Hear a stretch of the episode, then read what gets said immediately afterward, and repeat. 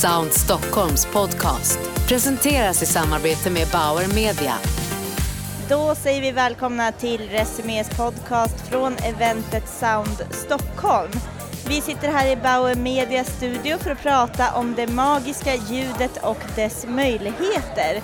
Jag heter Jasmine Winberg och är redaktör för Resumé Insikt. Hur låter världens bästa radioreklam? Eh, det vet Claire Bowen som är chef för kreativ utveckling på Radio Center i Storbritannien. Eh, och hon var också den sista att gå på eh, scenen här idag så att um, Welcome to Sweden Claire Bowen. It's great to be here, thanks for having great, me. Great to have you here. Uh, you're in charge of the Ariel Awards. Uh, tell me a bit about that. Yeah, that's right. So the Aerial Awards are a monthly celebration of creativity uh, in radio that runs in the UK. And it really came about because we find that within the industry in, uh, in the UK, people don't do enough to celebrate great work in radio and audio. Uh, we're very TV led, um, it's very, uh, people are very visual. Um, and I, I feel that although there are plenty of good examples of, of good of good radio advertising, people don't hear about it and they don't celebrate it. So there is a, a misperception that it's not a, a, great platform for creativity. So I think the more we do go and share great work, the more great work gets made. So, uh, what would you say is the best ads in in Britain right now?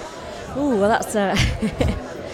um, I think there are some notable examples. Um, last night, uh, we are sponsors of the um, radio category at um, the Campaign Big Awards. Um, that's held in London. Um, the winning work for that was um, an ad called uh, Gin Lane um, for the Tate Art Museum. And in it, it, tell, it tries to tell the stories behind some very famous paintings. This particular one tells the story of a protagonist, a woman uh, called Judith, who uh, mistreats her child because of her alcohol addiction. And I think for me, it's it's a very uh, impressive creative thing to do to use audio to sell a visual medium. If you, to, if you were to look at the painting, you'd probably see something that might be a bit comical or might be a bit downplayed. But when you hear the actual kind of human tragedy behind it, it affects you at a different emotional level. I think that's something that, that only really radio can do. Um, the pictures can be deceiving to emotion. Yeah, uh, I haven't heard it, but it sounds very good. Send it through. Yeah. what uh, would you say distinguishes uh, good uh, creative audio advertising from bad ones? Um, I, th- I think it's it's a combination of um, classic principles of radio advertising. So it's copywriting, it's great production, it's casting, it's having a relevant creative idea to start with, and all those things have been true as long as radio advertising has been around. But also, I think now that's compounded by the potential um, of using innovation in a meaningful and innovative way. That, that I think, has added a certain catalyst um, to creativity. And I think the, the best ads are something that maybe call on a little bit of both. And what kind of trends do you see in audio advertising right now? There's certainly um, there's definitely a trend towards people using or, or experimenting with the medium to use longer form um, advertising. Um, a campaign that performed very well at D&AD a few years ago is actually an entire radio station for pedigree. It's called K9 FM. It's a radio station for dogs. Um, it is essentially a long piece of, of branded content. I think brands that use radio in a more natural sort of way, um, that's an interesting thing to look at.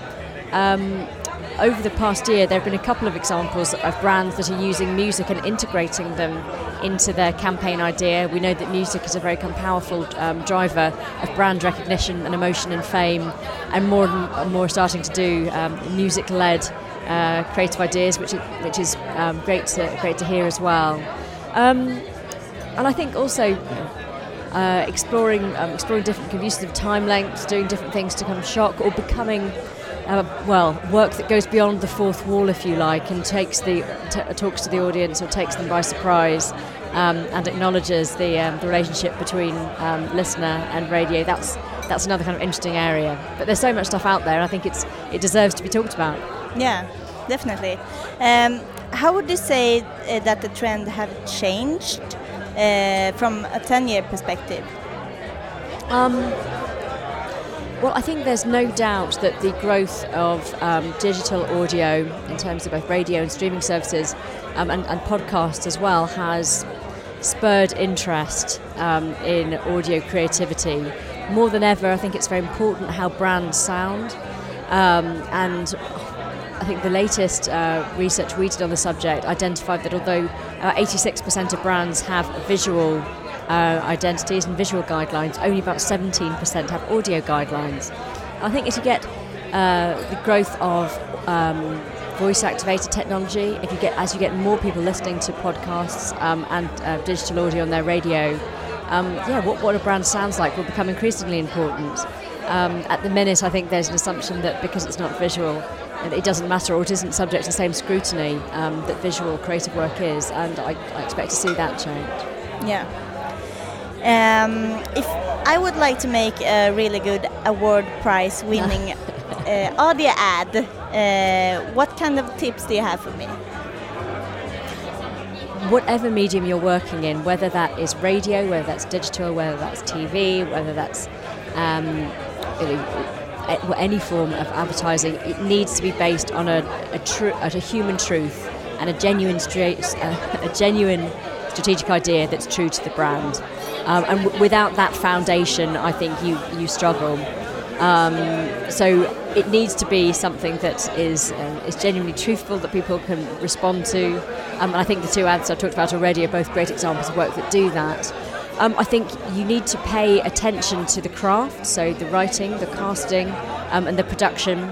Those are things that it's very easy for clients to try and you know, try and push back on and, uh, and and save costs on. But actually, in the audio space, those are the only tools you have, so it makes sense to do them properly and to devote the necessary budget to doing those things well and give it time. Um, I think on the question of time, I think the earlier you start thinking about and radio in the creative development process, um, the better chance you have for a, a truly strong idea to grow. So um, yeah, giving space and time, budget, and uh, and the same kind of craft care intention that you would do for your TV ad. That's how that's how you'll get the winning work out. All right. Uh, thank you very much, Clare Bowen, uh, for coming here. It's been today. lovely to speak to you. It's been lovely to meet you too. Um, alla som är nyfikna på att höra de här eh, radioreklamerna som Clare Bowen har pratat om idag får jättegärna hänga kvar. Tack så mycket för att ni lyssnade. My name is Judith and I'm an alcoholic. I think. I actually don't know if I am. I mean, I drink a lot, but so does everyone. I've never thought I had a problem, but maybe I do. I just want to be able to have a drink without downing the whole bottle. Things I used to laugh at, um, blacking out, throwing up in the street, they now they scare me. I gave my two year old girl up for adoption, and they gave her new clothes. I took her back strangled her. I killed her for her clothes. I sold them just for one more drink. See Gin Lane by Hogarth, inspired by Judith Dufour, painted in 1751. BP displays, free at Tate Britain.